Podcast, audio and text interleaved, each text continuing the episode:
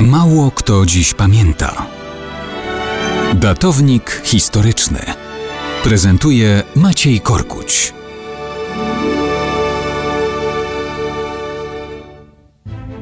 Mało kto dziś pamięta, że 16 stycznia 1861 roku był ostatnim spokojnym dniem niespokojnego życia Brunona Bielawskiego.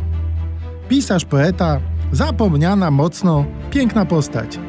Na grobie na lwowskim cmentarzu łyczakowskim napisano Zasłużonemu autorowi, szlachetnemu patriocie, przyjacielowi ludu polskiego, krzewicielowi oświaty i miłości ojczyzny między kmiotkami, pierwszemu i najgorliwszemu pracownikowi na polu literatury ludowej w tej prowincji. Skromny ten pomnik wznieśli ziomkowie. Każde słowo w pełni zasłużone, a żywot Bielawskiego to nawet niecałe 30 lat. Studiował w Heidelbergu i na Uniwersytecie Jagiellońskim w Krakowie.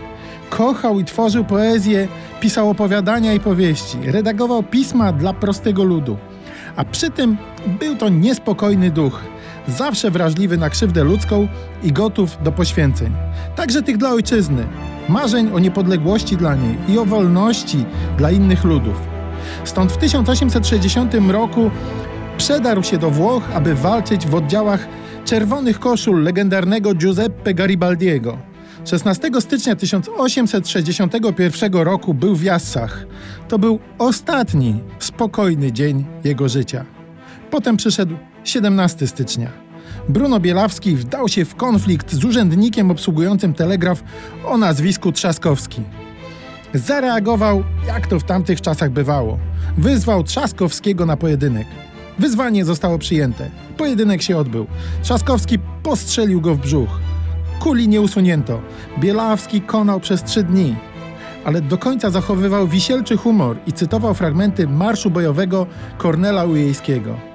I w ten sposób zmarł, nie doczekawszy nawet swoich trzydziestych urodzin. I taki był koniec pięknie zapowiadającego się pisarza i poety Brunona Bielawskiego.